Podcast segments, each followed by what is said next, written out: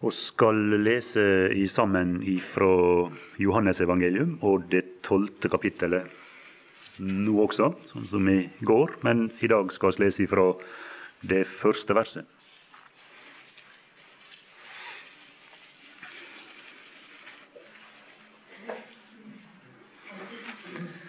Seks dager før påske kom da Jesus til Betania, hvor Lasarus var, han som Jesus hadde oppvakt fra de døde. Der gjorde de et måltid for ham, og Martha gikk til hånde. Men Lasarus var en av dem som satt til bords med ham. Maria tok da et pund ekte, såre kostelig nardussalve og salvet Jesu føtter, og tørket hans føtter med sitt hår, og huset ble fylt av salvens duft. En av hans disipler, Judas Iskariot, han som skulle forråde ham, sier da, hvorfor ble ikke denne salve solgt for 300 penninger og gitt til de fattige? Men dette sa han ikke fordi de fattige lå ham på hjertet, men fordi han var en tyv og hadde pungen og tok det som ble lagt i den. Jesus sa da, la henne være, hun har gjemt den til min jordferdsdag for de fattige har i alltid hos eder, men meg har i ikke alltid. En stor mengde av jødene fikk eh, da vite at han var der, og de kom ikke bare for Jesus skyld, men også for å se Lasarus, som han hadde oppvakt fra de døde. Men ypperste prestene la råd opp om også å drepe Lasarus, fordi mange av jødene for hans skyld gikk dit og trodde på Jesus.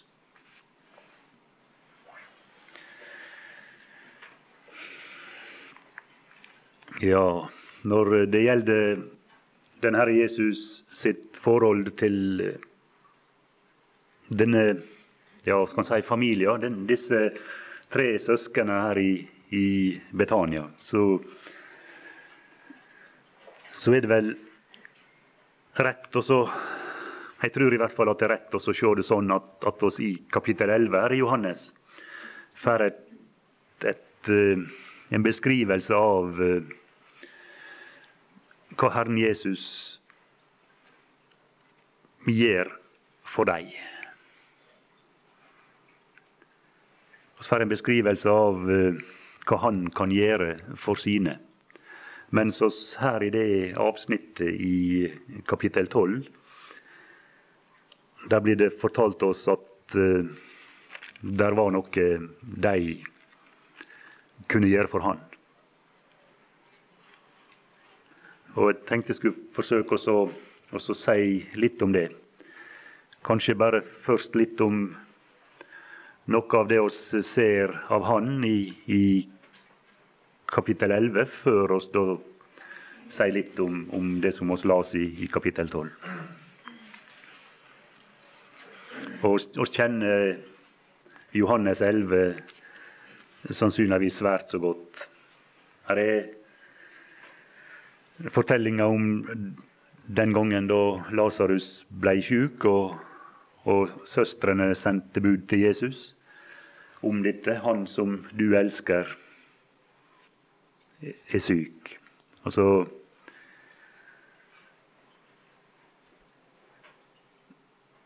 står her så fint i det fjerde verset, og, og, og, ser det med en gang når hun ser på det, at det, her er det ei beretning som på et vis er temmelig parallell til den beretninga vi berørte i det niende kapittel i, i, går kveld. Da Jesus hørte det, sa han denne sykdom er ikke til døden, men til Guds ære, for at Guds sønn skal bli æret ved den. Akkurat som han blindfødte, den tilstanden han var i, der han satt, den blei en årsak til en åpenbarelse av Herrens arm, som vi leste. Så er det noe av det samme her. Herren Jesus sier det at det er denne sykdom, det endelige resultatet om oss vil av denne sykdom, det, det blir ikke døden. Men det som skal bli resultatet av denne sykdom, det er Guds ære. Guds sønn skal, når, når, når denne hendelse er slutt, stå der med æra. Det står så fint i det femte vers, men Jesus elsket Martha og hennes søster og Lasarus.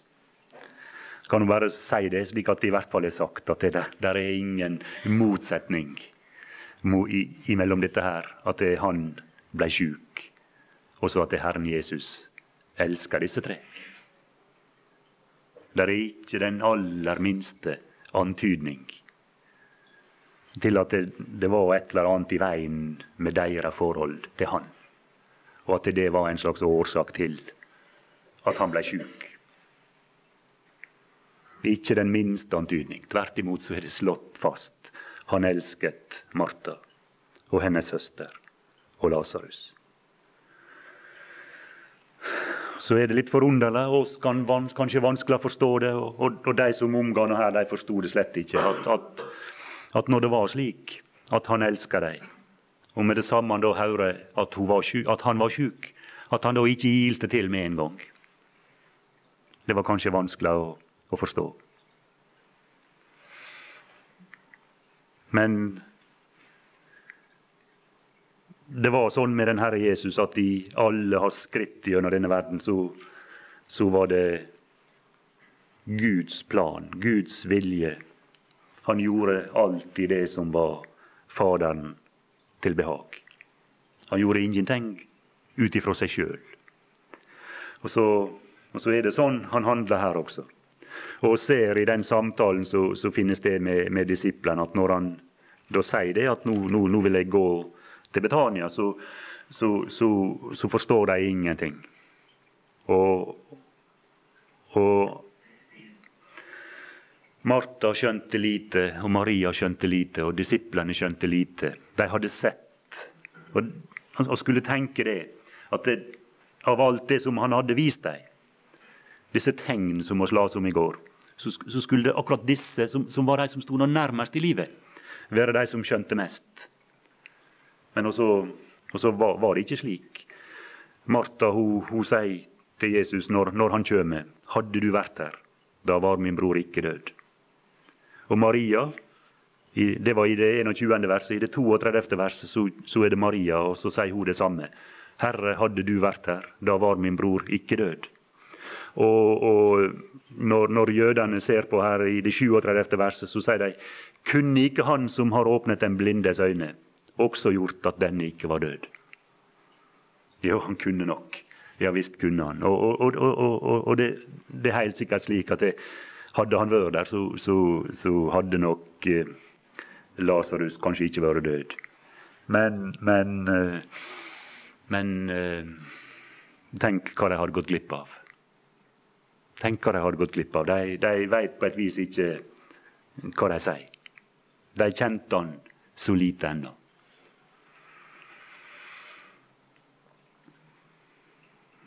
Det var, ja, var, en gang før, nede på speiderhuset, da tror jeg jeg las om, om Elias. Når, når, han var på Karmel, så, så Den hendelsen der i, i kongeboka, så når disse balsprestene raste rundt alteret sitt og, og ropte og skreik og flengte seg med spyd, så står det at Elias han spotta dem. Dere må rope høyere, for det kan jo tenkes at det han Bal han er ute på reise.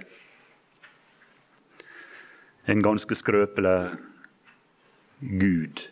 Avstand var ei hindring for at han kunne komme de til hjelp som ropte på han. Hadde du vært her, da var min bror ikke død. Det, det er ganske klart at det, denne setninga den avslører at det, Maria og Martha de, de forsto ennå forholdsvis lite av hvem Herren var.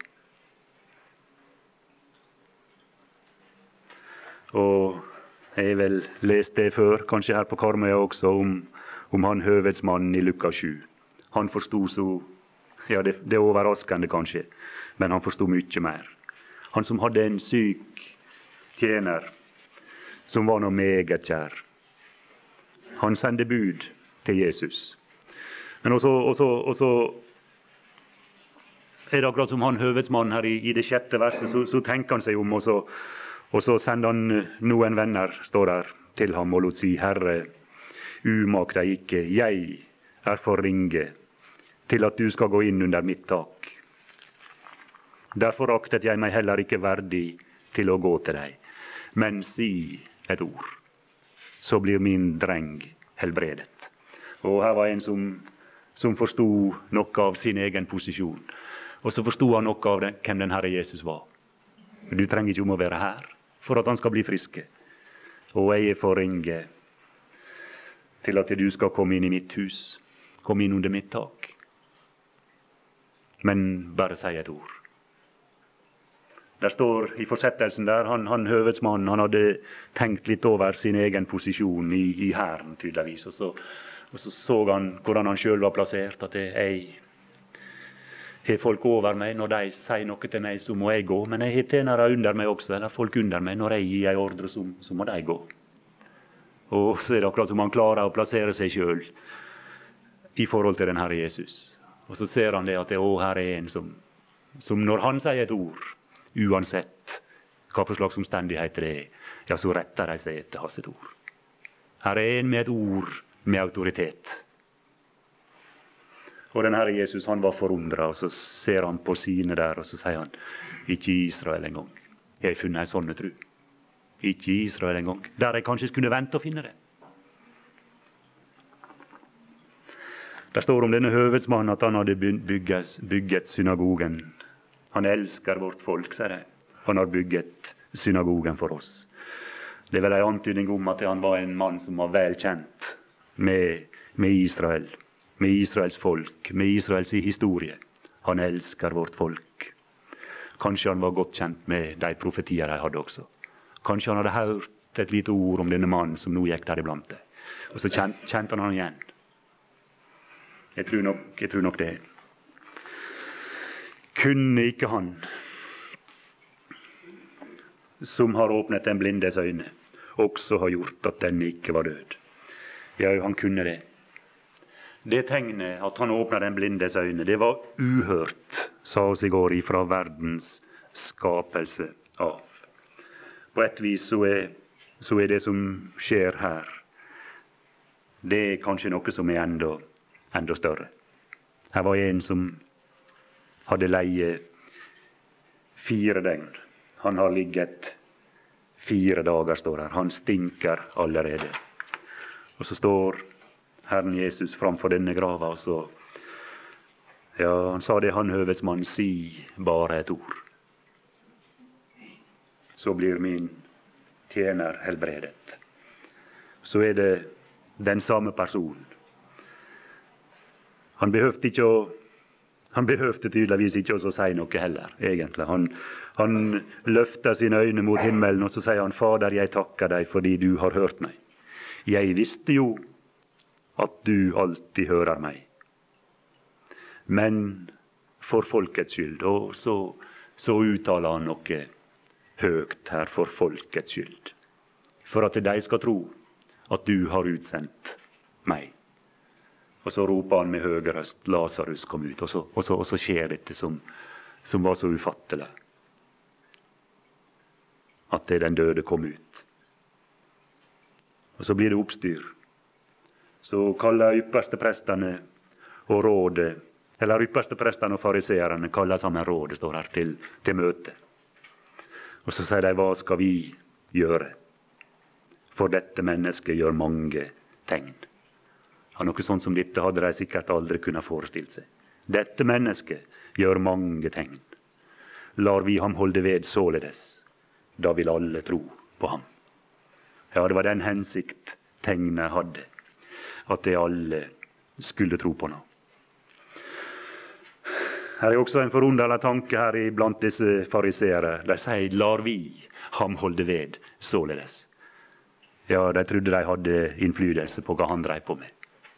Lar vi ham holde ved. Det er akkurat som at de, de, de regner med at ja, det, det, det, er fordi at det også ikke er liksom tatt strenge nok tiltak at han holder på. Det er noe av det samme i Pilatus. Han, han sier 'Vet du ikke at jeg har makt', sier han til. Ja, han trodde om seg sjøl at det. han var en mann som hadde autoritet, også i, i den sak. Pilatus hadde nok autoritet i å kunne gjøre en del ting ut ifra det han syns i andre saker, men han kjente fælt lite til denne som han hadde med å gjøre. De så svært så lite, disse fariseerne også. Og ser at dette her, det, det temler så parallelt til det som vi leste om i går. Men skal, her, er et, her er et annet trekk også i denne beretning. Og det, det syns jeg er vidunderlig fint å se. Her, her er ei side av det, der, der vi ser Herren Jesus i si velde, i si herlighet, der han utøver makt, der han roper denne ut av graven. Men, men her er noe forunderlig noe, og skal lese fra vers 32. Da nu Maria kom dit hvor Jesus var, og så ham, falt hun ned for hans føtter og sa til ham, Herre, hadde du vært her, da var min bror ikke død. Da nu Jesus så henne gråte, og så de jøder gråte som var kommet med henne, ble han opprørt i sin ånd og rystet og sa, Hvor har de lagt ham? De sa til ham, Herre, kom og se. Jesus gråt. Jødene sa da, Se hvor han elsket ham. Men noen av dem sa, Kunne ikke han som har åpnet den blindes øyne, også ha gjort at, det, at denne ikke var død? Jesus, da, Jesus ble da atter opprørt i sin sjel og kom til graven. Det var en hule, og det lå en sten over den. Her er noe annet med her. Her er, her er den Herre Jesus rystet og opprørt i sin ånd, som her står. Og Her sto det at han gråt. Det er et annet trekk. Det er et annet trekk. Kan av og til kanskje lure på hvorfor, hvorfor er sånne trekk beskreven om Herren Jesus. Når det står i Johannes 4, der han satt ved brønnen i Sykar, så står det om han at han var trett av reisen. Der han satt ved brønnen.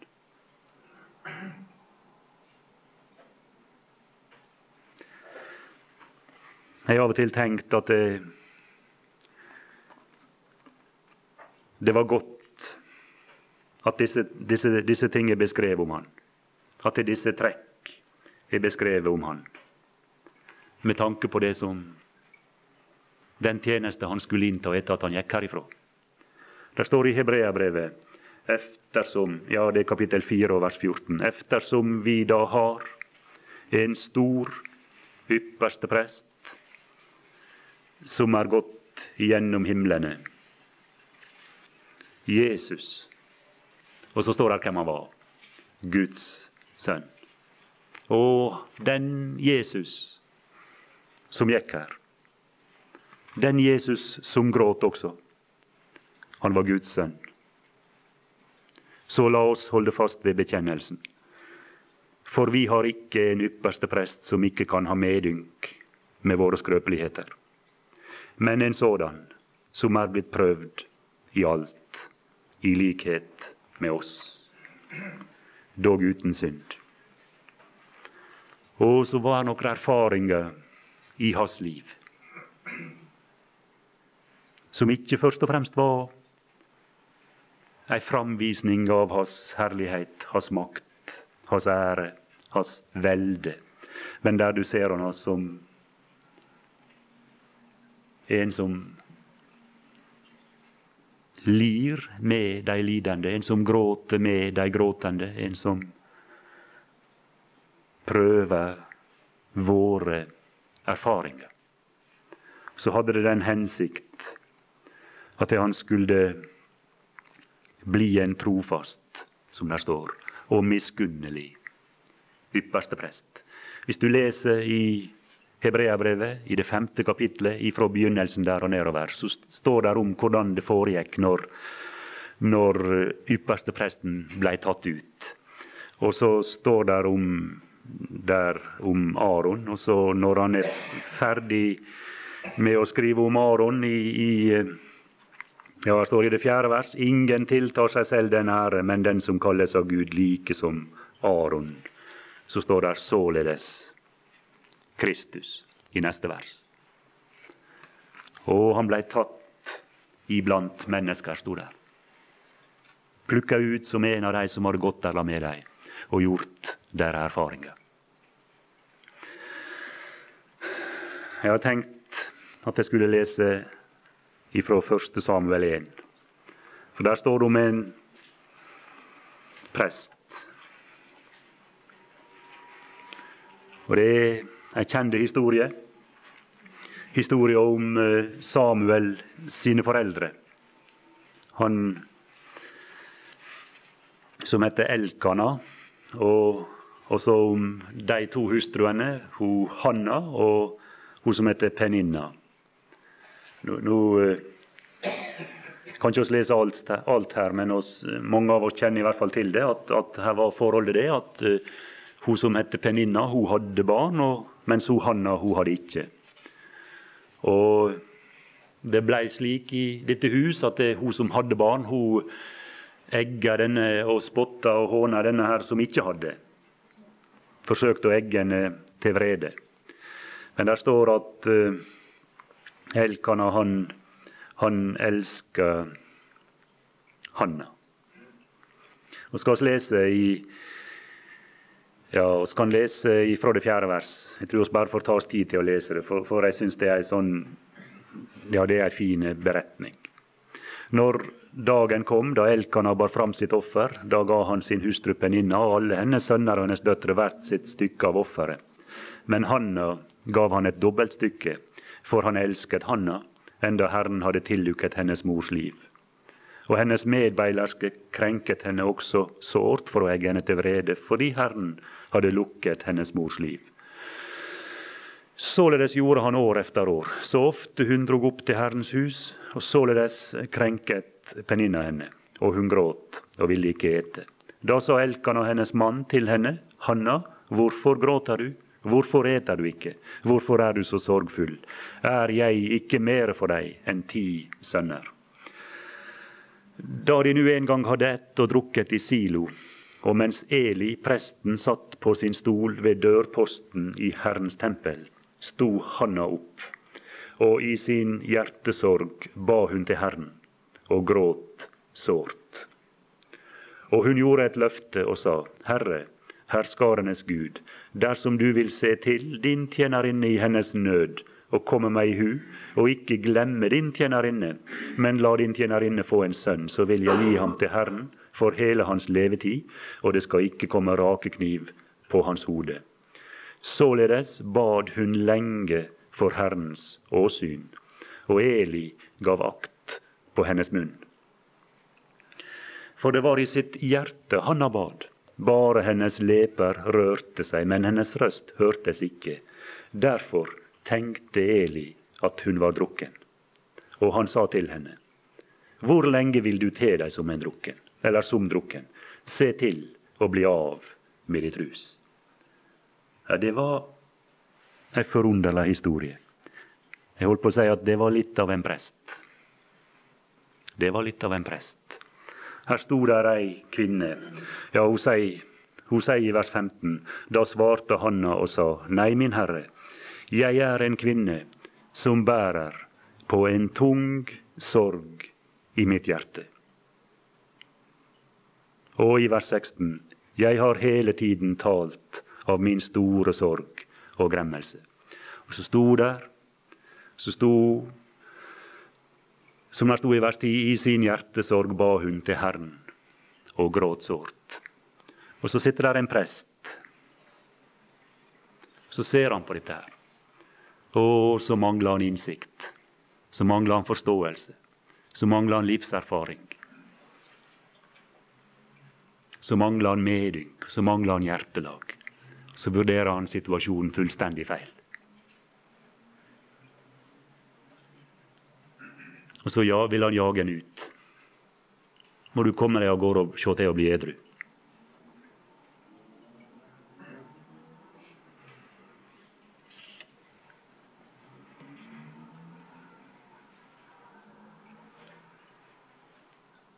Det er ikke en sånn prest å se. Nei, det er ikke en sånn prest å se. Hva det var oss las? Vi har ikke en ypperste prest som ikke kan ha medynk med våre skrøpeligheter, men en sådan som er blitt prøvd i alt i likhet med oss. La oss derfor trede frem med frimodighet for nådens trone ja, oss kan til enhver tid, når som helst, hele tida, få være der, få leve der, og få utøse hjertet der.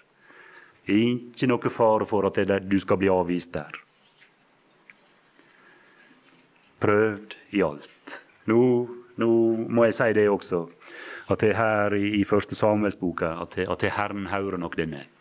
Og han som, han som skulle liksom representere det, det menneskelige eller det jordiske redskapet som, som, som, var tenkt å skulle være en kanal til velsignelse for sitt folk.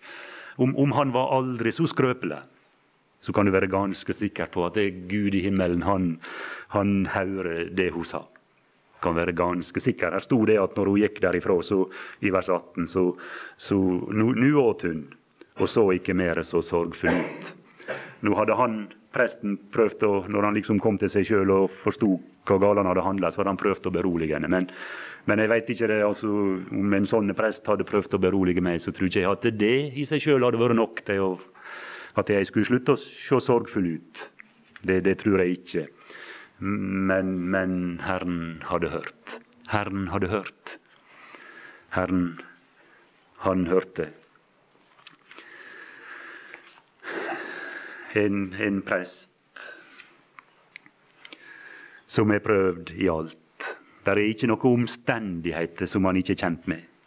Og det er ikke ei hjertesorg som han ikke kan imøtekomme, som du ikke kan få øyse ut for han. Og jeg syns det er så fint at det er disse trekkene av den Herre Jesus som er en som, som, som gråt det er så fint at det er tatt med.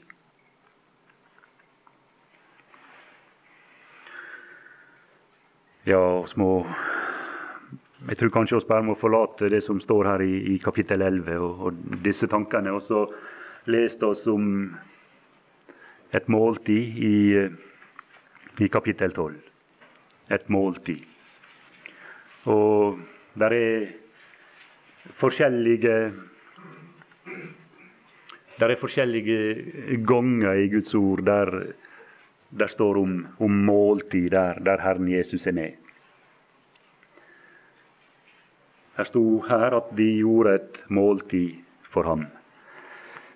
Vi kan kanskje nevne et par av de andre måltidene også. Vi finner f.eks. et i, i, Lukas 5.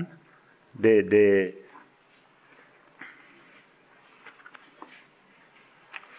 Der var det han Levi, han som satt på, på tollboden. I det 27. vers. Han så en toller ved navn Levi sitte på tollboden, og han sa til ham, følg meg. Og han forlot alt og sto opp og fulgte ham. Så står det noe som er, er ganske fint, og som på et vis et, et, kan være et eksempel til etterfølgelse. Her står at Levi gjorde et stort gjestebud for ham i sitt hus og der var en stor mengde tollere og andre som satt til bords med ham. Nå var vel han Levi kanskje en like forakta mann som han Sakkeus var. Her står ikke så mye om det, da, men, men her står i hvert fall at fariseerne og, og, og, de skriftlærde de knurrer mot disiplene, og, og så sier de 'Hvorfor eter og drikker de med tollere og syndere?' Og, men det, det, han Levi hadde, hadde sørga for, og Herren Jesus forteller det litt etterpå, det han hadde sørga for, det var til de sjuke kom i kontakt med legen. Og det, det går an, det. Og, og, det er så fint. Det er akkurat som om at denne mannen han hadde, han hadde, han hadde møtt Herren Jesus. Og der er så mange andre tollere, tenkte han. Der er så mange andre.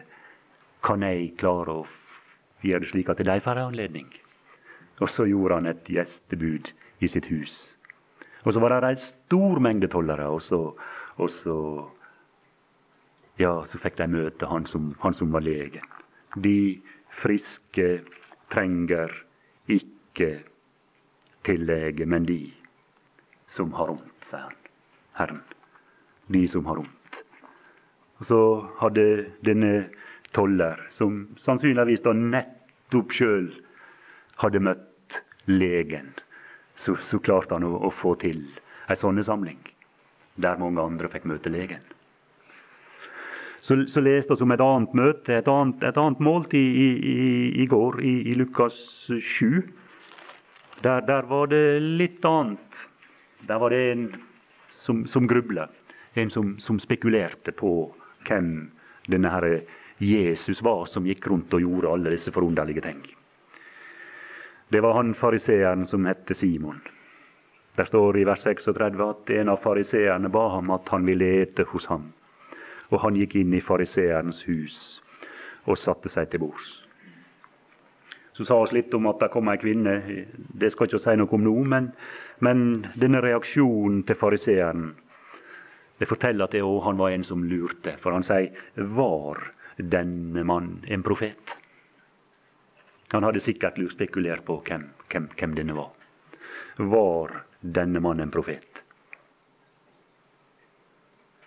Og Så står det at det han, han, han, han, sier ikke det høyt. Nei, han tenker det. Her står at han sa ved seg selv.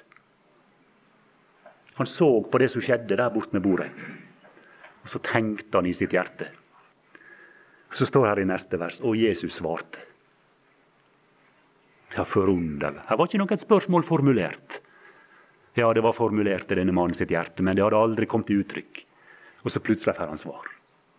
Høyt og tydelig. Ja Når det står mot slutten av denne beretninga til de som satt til bords, begynte å si ved seg selv 'Hvem er denne mannen?'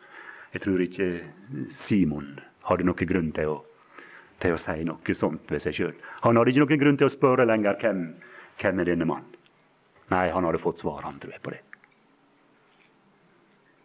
Og det, det, går an det går an å invitere Herren inn for den som er en sånn en som, som lurer, som tviler. Som, som ja, ja, ja, hvordan, er, hvordan er dette her med Jesus? Hvem er han?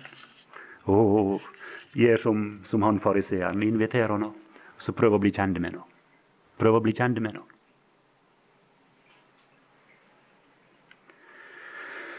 Men der er et måltid som er enda Jeg holdt på å si finere.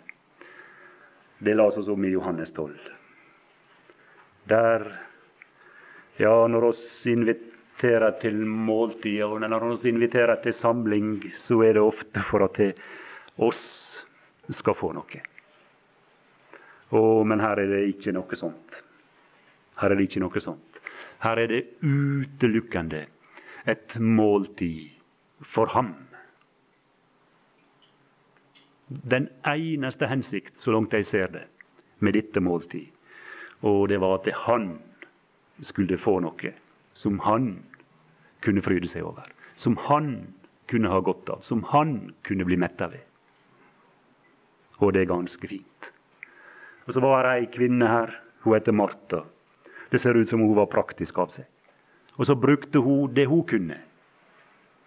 Og så gikk hun til hånde, står her. Og så var det ei annen ei. Hun hun leser oss om i, i Lukas 10, dette her kjente verset, at hun sitter ved hans føtter.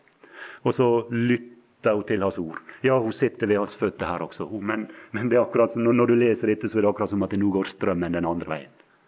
Og nå, nå er ikke det han som forteller henne livssalige ord, men, men nå er det hun som, som salver hans sine føtter. Og der flyter noe tilbake igjen ifra hun som hadde søte ved hans føtter, til han som, som var godt for han. Og så, og så er, det, er, det, er, det, Ja, han, han, er her, han, han er her, han, han Judas. Og, og, det er så forunderlig. Når, når det, blir forsøkt på å gjøre noe sånt, der, der, der, folk samles, der det skal være et måltid som skal være kun for Herren Jesus, så er det alltid en eller annen sånn røst som sier ja, men, men, oss, må ikke glemme deg, og så må ikke oss glemme deg. Og og så blir andre behov brakt inn. Der er jo så masse behov. Ja visst det er det masse behov. Oh, men, men, det er så fint å se at, det, at det Herren Jesus han, han, han, på et vis, i hvert fall i dette tilfellet, så setter han de behovene til side. Og så, og så ja, jeg holdt på å bruke et sterkt ord og si at han avfeier Judas. Og så sier han ja, de fattige de, de, de, de, de har dere alltid hos dere. Der vil alltid være sånne behov. Og, men, men, dette er en spesiell anledning. Nå kan dere få gjøre det som er godt for meg. Kun tenke på meg i denne, stilling, i denne situasjonen. Det er ganske fint. De fattige har jeg alltid hos seg der, og det blir alltid en anledning å få gjort noe for dem. Men det er ikke så ofte at det oss er samla der den eneste hensikt med samlinga er at det er han skal ha det godt. Å, men han setter pris på det her. Du kan være ganske viss på det. Og så, og så ja, Når vi er inne på de fattige Her sto om Judas at de, de lå ikke han på hjertet. Nei, han var nå i grunnen ikke så bekymra for de fattige, han da. Men, men, men, men, han som dette måltid var til ære for, og som dette måltid skulle være til mettelse for. Han tenkte på de fattige. Og las fra Salme 113 i går om han som reiser de fattige av skarnet. For å sette dem opp iblant fyrster og gi dem et ærefullt sete. Og det var en som de fattige lå på hjertet. Det var en. Og han hadde ingenting imot at de en gang iblant samles kun for hans skyld. Eller som, eller som det står i, i Jobbs bok, der i, i Jobb sin visdomstale, der, der han, han, taler sånn som Herren taler om, om, de fattige. Han sier 'en far', sier han, 'var jeg for de fattige'. Det er Jobb 29 og det 16. verset. Eller som det står i, i, i det 30. kapittel, 'Har jeg nektet fattigfolk det de ønsket'? Har jeg ett mitt brød alene, så den farløse ikke fikk ete av det? Nei, fra min ungdom av vokste han opp hos meg som hos en far. Og der er en som er omsorg for de fattige. Der er en som er omsorg for de fattige. Og oss gjør rett i å tenke på de fattige, men, men, men en gang iblant. En gang iblant når oss, når oss samles. En gang iblant når oss inviterer til måltid. Kunne ikke oss gjøre det sånn som, sånn som de gjør det her utelukkende ha det for øye, at det skal være et måltid for Han. Ja, nå hadde jeg tenkt å slutte. Jeg må si noe om et annet måltid. Der, der er et annet måltid som jeg holdt på å si, Det er vel egentlig det aller, aller, aller første. det. Og det, det, det er det på et vis ikke jeg som inviterer til. Nei, der, er, der står et lite vers i åpenbaringsboka som, som vi er velkjent med. Og det, det, kan være det siste vi leser, kanskje. Tredje kapittelet. Se, jeg står for døren og banker. Og om noen hører min røst, ja, han, han inviterer. Han ber til måltid. Det, det, er det aller første. Da vil jeg gå inn til ham og holde nattverd med ham og han med meg. Det, det er det aller første. Og hvis du aldri skulle ha kjent han, hvis du ikke har erfart hvor salig det er, og så, og så har sluppet han inn, så, så, må du, når du hører hans røst, og når du hører hans banking, så, så må du slippe han inn. Så vil han holde måltid med deg. Og du vil kunne ha måltid med Han. Herre Jesus,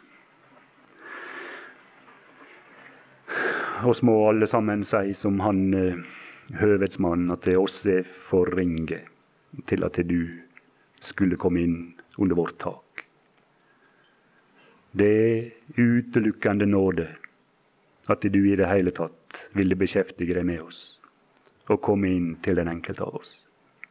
Men oss vil også i denne stund takke deg for at du gjorde det. Og så, Herre, så er det nok oss alle føler på, det at det er så sjelden